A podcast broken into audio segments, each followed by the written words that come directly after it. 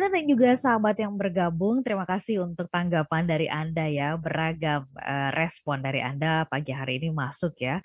Ada yang mengatakan, uh, wah pikirannya sedang galau gitu ya, kacau karena uh, banyak pekerjaan bertumpuk di menjelang akhir tahun ini. Uh, komentar dari Pak Robert yang bergabung bersama dengan kita dari Surabaya. Kemudian ada Pak Sugeng ya di Jakarta. Terima kasih uh, sulit sekali Pak Arfan uh, untuk bisa berdamai kadang-kadang katanya dengan pikiran ya. Rasanya ingin marah, ingin uh, menumpahkan kekesalan begitu ya, kalau lagi emosi katanya seperti itu Pak ya. Uh, kemudian uh, ada juga uh, Farah yang bergabung bersama dengan kita di Bandung. Selamat pagi Pak Arfan. Gimana untuk bisa berhenti berpikir negatif? Oke. Pak Arfan mungkin dari uh, tiga WhatsApp ini barangkali bisa ditanggapi terlebih dahulu Pak Arfan. Silahkan. Ya, terima kasih banyak Mbak Ola. Ya. Um, kita sering kali tidak sadar nih. Jadi ini yang paling penting nomor satu itu sadar. Mm-hmm. Kalau untuk kesehatan fisik kita sadar. Kita sangat mm-hmm. menyadari ini makanan yang masuk ke dalam mulut kita ini adalah sumber penyakit. Itu. Mm-hmm. Kalau salah makan tidak higienis, kolesterol tinggi dan sebagainya itu bisa mengakibatkan banyak penyakit gitu bermunculan. Karena itu kita sangat sadar. Nah ini sadar nih kita sangat sadar bahwa makanan yang masuk ke dalam mulut kita itu akan berpotensi membuat kita sakit. Tetapi kita lupa bahwa penelitian dalam dunia kedokteran saja mengatakan bahwa kesehatan kita itu makanan yang masuk ke dalam mulut kita itu hanya 30% sebetulnya berkontribusi terhadap kesehatan kita. Kesehatan manusia itu 70% itu adalah dari pikiran, Mbak Ola. Mhm. Itu dunia kedokteran ya. Jadi kalau 70% kesehatan itu berasal dari pikiran, maka kita mestinya lebih hati-hati terhadap makanan yang masuk ke dalam pikiran gitu. Makanan yang masuk ke dalam mulut ini hanya berkontribusi 30% terhadap kesehatan kita. Itu aja kita udah hati-hati. Tapi kok yang 70% kontribusinya terhadap kesehatan kita, kita kok malah nggak hati-hati. Kenapa kita nggak hati-hati? Karena kita nggak sadar gitu bahwa kita membutuhkan yang namanya security system, sistem pengamanan terhadap rumah kita, terhadap benteng kita yang namanya pikiran. Jangan ya. musuh malah disuruh masuk gitu. Iya, iya, iya. Namanya ya, benteng. Ya. Tuhan menciptakan itu sebagai benteng. Eh musuhnya disuruh masuk. Namanya kita berperang tapi musuh malah menyerang dari dalam gitu. Uh, uh, uh. Itu 70% loh. Yang 30% aja kita concern gitu. Masa yang 70% kita nggak tahu bahwa itu sesuatu yang harus kita jaga gitu bahwa. Ya. Jadi nomor satu sadar dulu gitu. Hmm. Sadar bahwa itu sesuatu yang sangat penting namanya pikiran itu. Jangan biarkan dia dimasuki oleh sampah-sampah gitu. Garbage. Karena ya. garbage ya. in, garbage out nanti. Ya. Kalau dalam uh, pepatah Jawa ya, uh, kata bijak dalam bahasa Jawa tuh dibilang sadar lan waspodo ya. Eh eling ya, lan eling lan uh, eling lan waspodo gitu ya. ya. Tapi gimana caranya supaya kita bisa tetap eling ya Pak Arfan ya? Kalau dari pengalamannya Bapak ya, menjaga kesadaran itu tuh apa yang bisa kita lakukan? Bergaul dengan orang-orang yang positif, bergaul dengan orang-orang yang uh, kata-katanya juga kita bisa uh, ya bijak gitu ya, uh, menjaga pergaulan pertemanan kita atau bagaimana Pak Arfan? Yes, bergaul dengan orang yang positif itu salah satunya. Salah satunya, ya. oke. Okay. Salah satunya gitu ya. Tapi yeah, yang paling yeah. penting sesungguhnya bukan itu gitu Nomor satu sadar dulu bahwa ini sesuatu yang harus kita jaga. Ini berkontribusi 70% terhadap kesehatan kita. Itu kata dunia kedokteran loh yang ngomong ya. Um, kemudian, nah kalau sudah sadar, baru kemudian caranya gimana nih menjaganya gitu. Kita ini sering kali hidup ini terlalu cepat gitu ya. Jadi sekarang ini dengan teknologi dunia semakin modern, ini kita melakukan percepatan terhadap hidup kita. Percepatan itu diperlukan untuk mencapai kesuksesan. Harus cepat, cepat, cepat, cepat, cepat. Tapi untuk mencapai kebahagiaan, rumusnya sebaliknya. Bukan kecepatan yang dibutuhkan, tapi perlambatan. Karena kita ingin membuat hidup kita tuh berkualitas. Jadi orang bahagia itu hidupnya itu lebih lambat gitu, tapi berkualitas gitu ya. Orang yang bahagia itu nggak pernah dia mau terjebak dengan yang namanya multitasking gitu. Ya, Orang yang bahagia itu hidupnya satu persatu, pelan-pelan, pelan dan berkualitas. Nah, perlambatan kehidupan itu dimulai dari perlambatan pikiran. Pikiran yang lambat itu adalah pikiran yang sehat. Lambat ini bukan berarti lola ya, loadingnya lama ya. Lambat itu adalah ketika kita bisa menata pikiran satu, satu, satu, satu. Nah, pikiran yang cepat itu adalah pikiran yang tidak bisa kita kendalikan, Baul. Tidak bisa kita kendalikan. Saya ambil sebuah contoh ya. Ini bisa lima pikiran sekaligus datang tanpa bisa kita kendalikan. Contoh, misalnya satu ketika kita uh, sudah makan nih, sudah kenyang nih sebenarnya gitu ya. Terus kita jalan-jalan nih, kita jalan-jalan di mall. Kemudian kita melihat ada kue coklat. Nah, itu sudah satu pikiran tuh. Ada kue coklat. Nah, gitu ya. ya. Kemudian ada pikiran yang kedua. Pikiran kedua adalah kue itu kelihatannya enak. Itu sudah dua pikiran loh. Kue itu kelihatannya enak. Kemudian pikiran yang ketiga masuk. Saya suka kue coklat. Mhm. Nah, gitu ya. Pikiran yang keempat, saya ingin makan kue coklat sekarang. Pikiran yang kelima, saya akan beli sekarang. gitu. Nah sebetulnya itu kalau kita memperlambat pikiran, kita akan tahu bahwa itu lima pikiran. Pikiran pertama, eh ada kue coklat. Kue itu kelihatannya enak. Saya suka makan kue coklat. Saya ingin makan kue sekarang. Saya beli sekarang. Nah, itu lima pikiran. Tetapi Orang yang berpikir cepat tidak bisa melihat itu sebagai lima pikiran. Dia melihatnya itu satu pikiran. Udah. Hmm, hmm, Sehingga antara satu thought dengan thought yang lain, itu tidak ada jarak. Okay. Jadi langsung ada kue coklat, kue itu kelihatannya enak, saya ingin makan kue coklat, saya suka makan kue coklat, saya ingin makan sekarang, saya beli sekarang. Langsung tuh, zup, langsung dia keluarin dompetnya, bayar. Gitu. Keluarin kartu kreditnya, bayar. Dia, dia tidak bisa melihat bahwa itu sesungguhnya ada lima pikiran. Nah, ketika dia tidak bisa melihat, itu dia sedang mengalami yang namanya percepatan pikiran. Dan percepatan ya. pikiran itu adalah musuhnya happiness. Karena ketika kita mengalami percepatan pikiran, kita akan kehilangan yang namanya pilihan. Kita lupa bahwa sesungguhnya ada pilihan yang lain. Yaitu apa? Tidak memakan kue itu karena kita sudah kenyang. Tidak membeli kue itu karena kita sudah kenyang. Tetapi karena kita tidak punya kelambatan dalam menata pikiran-pikiran itu, maka kita melihat sebagai satu pikiran bahwa ada kue enak langsung dibeli, ya itu. Itu yang namanya percepatan pikiran. Nah, melalui yang namanya teknologi dan tanda petik ya, yang namanya meditasi, kita di, diajarkan untuk melihat pikiran-pikiran itu sebagai satu unsur-unsur yang terpisah gitu. Dan dari satu unsur ke unsur yang lain itu ada jarak, Mbak Jadi pikiran pertama ada kue coklat. Satu. Ya. Pikiran kedua kue itu kelihatannya enak, itu enak. dua, tapi ada jarak. Ya. Sehingga kita bisa mengatakan ada kue coklat, tapi saya sudah makan, nggak sehat kalau saya lanjutkan ini, maka selesai gitu. Tidak dilanjutkan sampai kemudian membeli gitu. Orang yang membeli itu adalah orang yang tidak punya kelambatan dalam arus pikiran gitu. Sehingga dia tidak menyadari bahwa dia bisa mempunyai pilihan yang berbeda. Dia kehilangan pilihan, dia kehilangan kemampuannya untuk memilih ketika dia tidak bisa melambatkan pikirannya gitu. Oke, okay. berarti memang e, melambatkan ini memberikan kesempatan kepada kita untuk memperpendek atau mendekatkan jarak itu ya, Pak Arfan ya? Memperlambat itu membuat kita melihat ada ruang uh-huh. antara satu pikiran dengan pikiran yang lain. Oke. Okay. Contoh gini, contoh, contoh lain satu ketika terbayang di kepala kita wajah seseorang. Nah, bawa-bawa bayangkan deh wajah seseorang yang mungkin sudah lama nggak bertemu ya. Ya, oke. Okay. orang itu, nah pikiran kedua orang itu sering bikin kita kesal, hmm. gitu kan? Wajah seseorang sering bikin yang kita kesal, bekas, bikin kita nangis, gitu ya. Kemudian kita langsung ingat tindakan-tindakan apa saja yang sudah dia lakukan.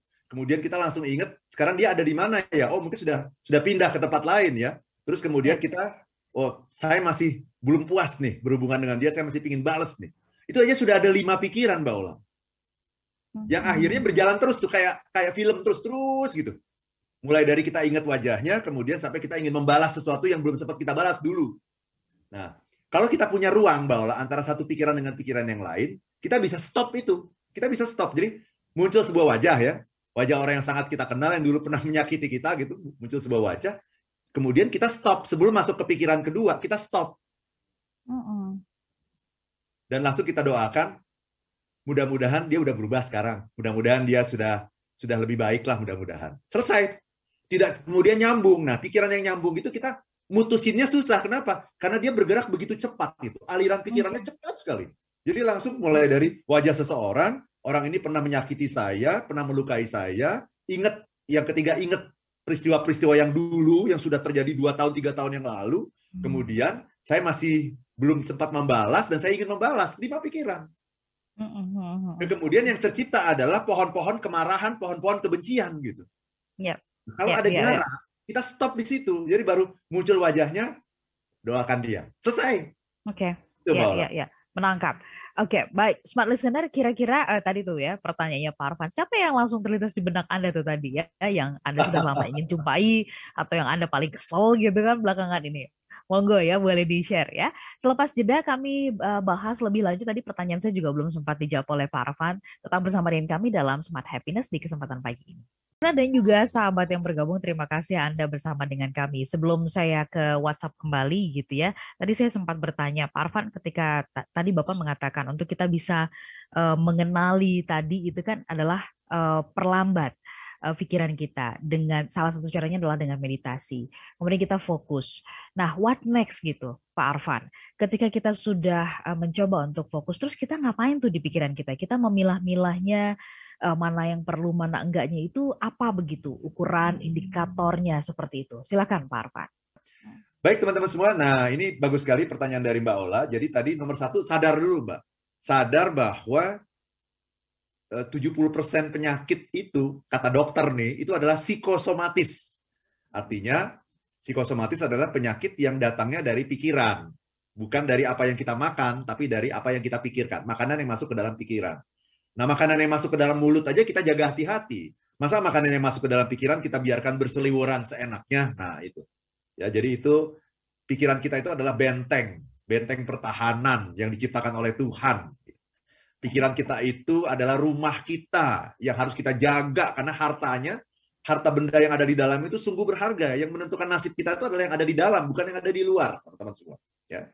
Nah, kemudian tadi kalau sudah tahu, udah sadar, berikutnya apa? Perlambat. Nah, perlambat pikiran caranya gimana?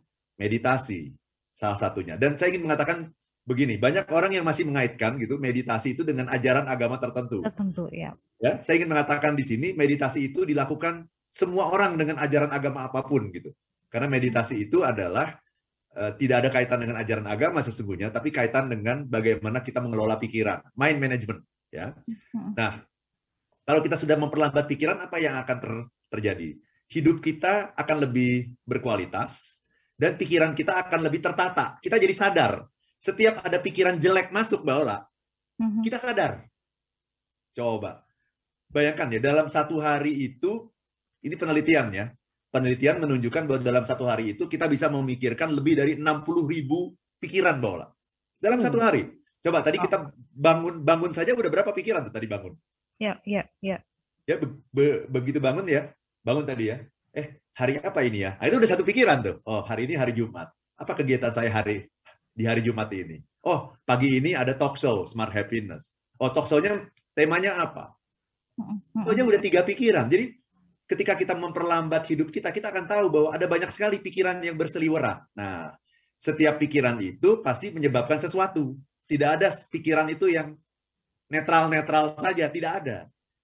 Intinya adalah pikiran itu bisa menyebabkan happiness atau unhappiness. Nah, tapi bagaimana ya menata 60 ribu, coba bayangkan ya, 60 ribu pikiran dalam satu hari harus kita jaga. Pertanyaannya, emangnya kita nggak punya kerjaan lain gitu kan? Ya. Gimana nih ya. caranya? Harus kita bisa-bisa nggak kerja loh. Karena begitu pikiran masuk, ini sehat apa enggak? Ini sehat apa enggak? Enggak tolak, sehat masuk. Tapi kita jadi nggak bisa kerja. Nah, Tuhan memberikan sebuah anugerah yang namanya barometer. Barometer pikiran itu adalah perasaan, Bal. Jadi begini, barometer kesehatan itu adalah perut. Jadi gini, kalau kita salah makan, kemudian perut kita akan bereaksi, akan berteriak, eh kamu salah makan, gitu. Makanan kamu kepedesan, terlalu asam, gitu ya. Itu nggak bagus buat orang sakit mah, misalnya gitu ya. Jadi perut kita langsung ber, berteriak, eh makanan kamu tidak higienis, langsung diare misalnya. Perut kita langsung ber, berteriak. Perut itu adalah barometer kesehatan. Nah, pertanyaannya, kalau barometernya pikiran itu apa? Ya. Barometer pikiran adalah perasaan. Ya. Jadi kita, jadi supaya kita nggak mikirin 60 ribu pikiran yang masuk ke dalam kepala kita itu, mari kita peka terhadap feeling kita, perasaan kita. Setiap kita merasakan sesuatu yang tidak menyenangkan, seperti sedih, marah, uh, iri, benci, dengki, menyesal, bersalah, apa pun perasaan-perasaan yang tidak menyenangkan itu, saya bisa memastikan ada sebuah makanan yang tidak sehat yang sudah masuk ke dalam pikiran Anda. Mhm. Jadi secara umum itulah yang namanya unhappiness. Ketika kita merasakan unhappy, kok saya hari ini nggak happy ya? ya? Mhm. Anda harus telusuri pikiran apa yang sudah masuk nih sehingga Anda tidak happy.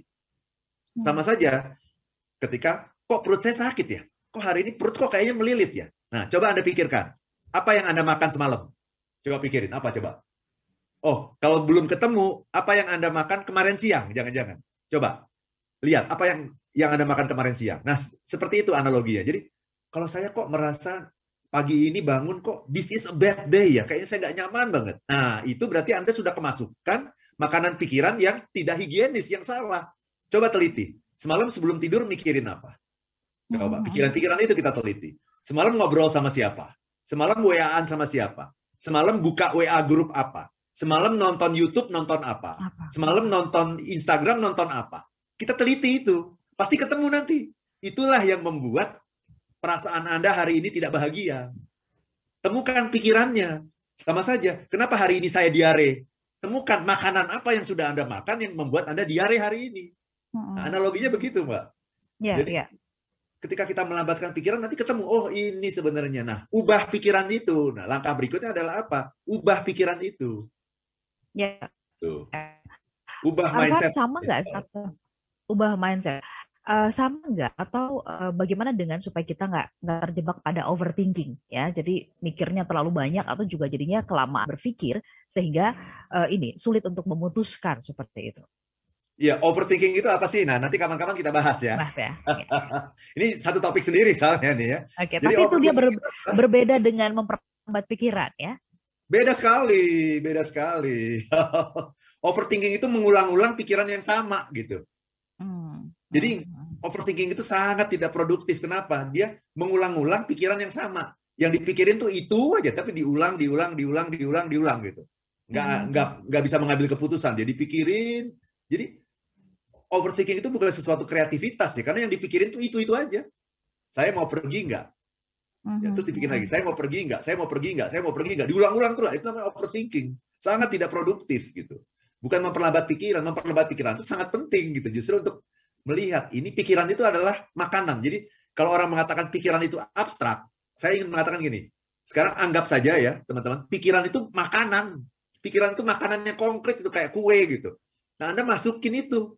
Kue-kue yang sudah busuk, masukin ke dalam kepala Anda. Kue-kue yang udah basi, masukin ke dalam kepala Anda. Kue-kue yang gak bergizi, masukin ke dalam kepala Anda. Nah, itu namanya pikiran. Jadi, ketika kita bisa melihat seperti itu, maka kita akan lebih aware gitu. Itu dulu, sadar dulu teman-teman. Bahwa apa yang masuk ke dalam kepala Anda itu bahkan jauh lebih penting daripada apa yang masuk ke mulut kita. Mulut kita hati-hati karena kita tahu, oh ini nih sumber penyakit. Tapi ini yang masuk ke sini kita nggak tahu. Ini 70% kontribusinya terhadap kesehatan. Ini cuma 30%. Ya. Ya, ya. Itu Bapak. Baik. Pak Arfan, uh, untuk menutup perbincangan kita gitu ya, uh, betul yang tadi Bapak sampaikan. Ini kayaknya kalau ngebahas tentang uh, what is the uh, the inside of mind, mind kita itu, uh, ini kayaknya panjang sih Pak. Panjang, bisa ada seri 2, seri 3 iya. nanti. saya, saya masih ada uh, pertanyaan, tapi saya begitu melihat jam nggak berani bertanya karena nanti godaannya yeah. pasti terpotong gitu ya. Tapi gini untuk bisa um, menjaga kuncinya deh Pak supaya kita tetap eling, tetap sadar gitu ya karena uh, kita nih banjir, banjir di atau berada di lautan atau di samudra pikiran itu tadi gitu ya. Bagaimana sih ya. Pak untuk menjaga kesadaran itu? Silakan Pak Arfan mengunci perbincangan kita. Ya, salah satunya selain meditasi juga adalah Anda harus punya mantra. Anda hmm. harus punya mantra, temukan mantra, ciptakan mantra Anda sendiri gitu. Hmm. Ya, hmm. salah satu mantra itu juga bisa diambil dari ajaran agama kita masing-masing gitu. Cari apa kata sebuah mantra yang bisa membuat pikiran itu stay. Jadi pikiran itu jalan terus Ola. Ini yang sangat tidak sehat. Pikiran itu harus stay. Ya, kalau orang Islam misalnya ambillah misalnya apa? Allahu Akbar, Allahu Akbar, Allahu Akbar, misal begitu. Atau apa pun. Allah, Allah, Allah, apa apa pun. Orang Kristen mungkin misalnya Yesus, Yesus, Yesus, apa pun. Sebuah nama yang indah, sesuatu yang sangat meaningful bagi Anda, itu dijadikan mantra gitu. Dan ketika kita punya mantra itu, maka kita akan hidup dalam ketenangan. Pikiran kita itu akan stay gitu.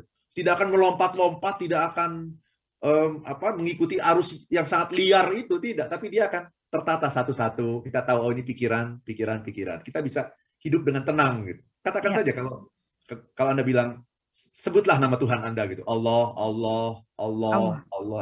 Itu kan ya. namanya zikir kalau orang kalau Betul, zikir. saya bilang zikir, tapi secara umum ya. itu disebut mantra gitu. Temukan mantra Anda. Ya, kalau bukan dari ajaran agama, bikin mantra Anda sendiri. Apa yang membuat Anda tenang gitu? Satu kata ya. saja yang membuat Anda tenang. Itu Mbak Ola. Oke. Pak Arfan, kita kunci perbincangannya. Eh, sehat-sehat untuk Anda semuanya. Mudah-mudahan ini bisa memberikan insight ya. Insight cara kita untuk mengenali apa yang ada di dalam pikiran kita. Eh, kedalaman laut itu bisa diukur, tetapi kedalaman pikiran sulit sekali dan butuh konsentrasi, butuh kemauan kita ya untuk benar-benar menyelaminya. Caranya tadi sudah disampaikan oleh Pak Arfan. Yang belum sempat mendengarkan dengan tuntas dari awal Anda bisa mendengarkan rekamannya di YouTube di kanal Smart FM ya, di Facebook juga tersedia. Pak Arfan, sukses untuk acaranya hari ini bisa menginspirasi jadi berkah buat banyak orang ya. Kita ketemu lagi eh, pekan depan. Saya Ola Nurlija. Ya. Dan saya Arfan Pradiansyah. If you wanna be happy, If you wanna be happy, be happy. Be happy now. now.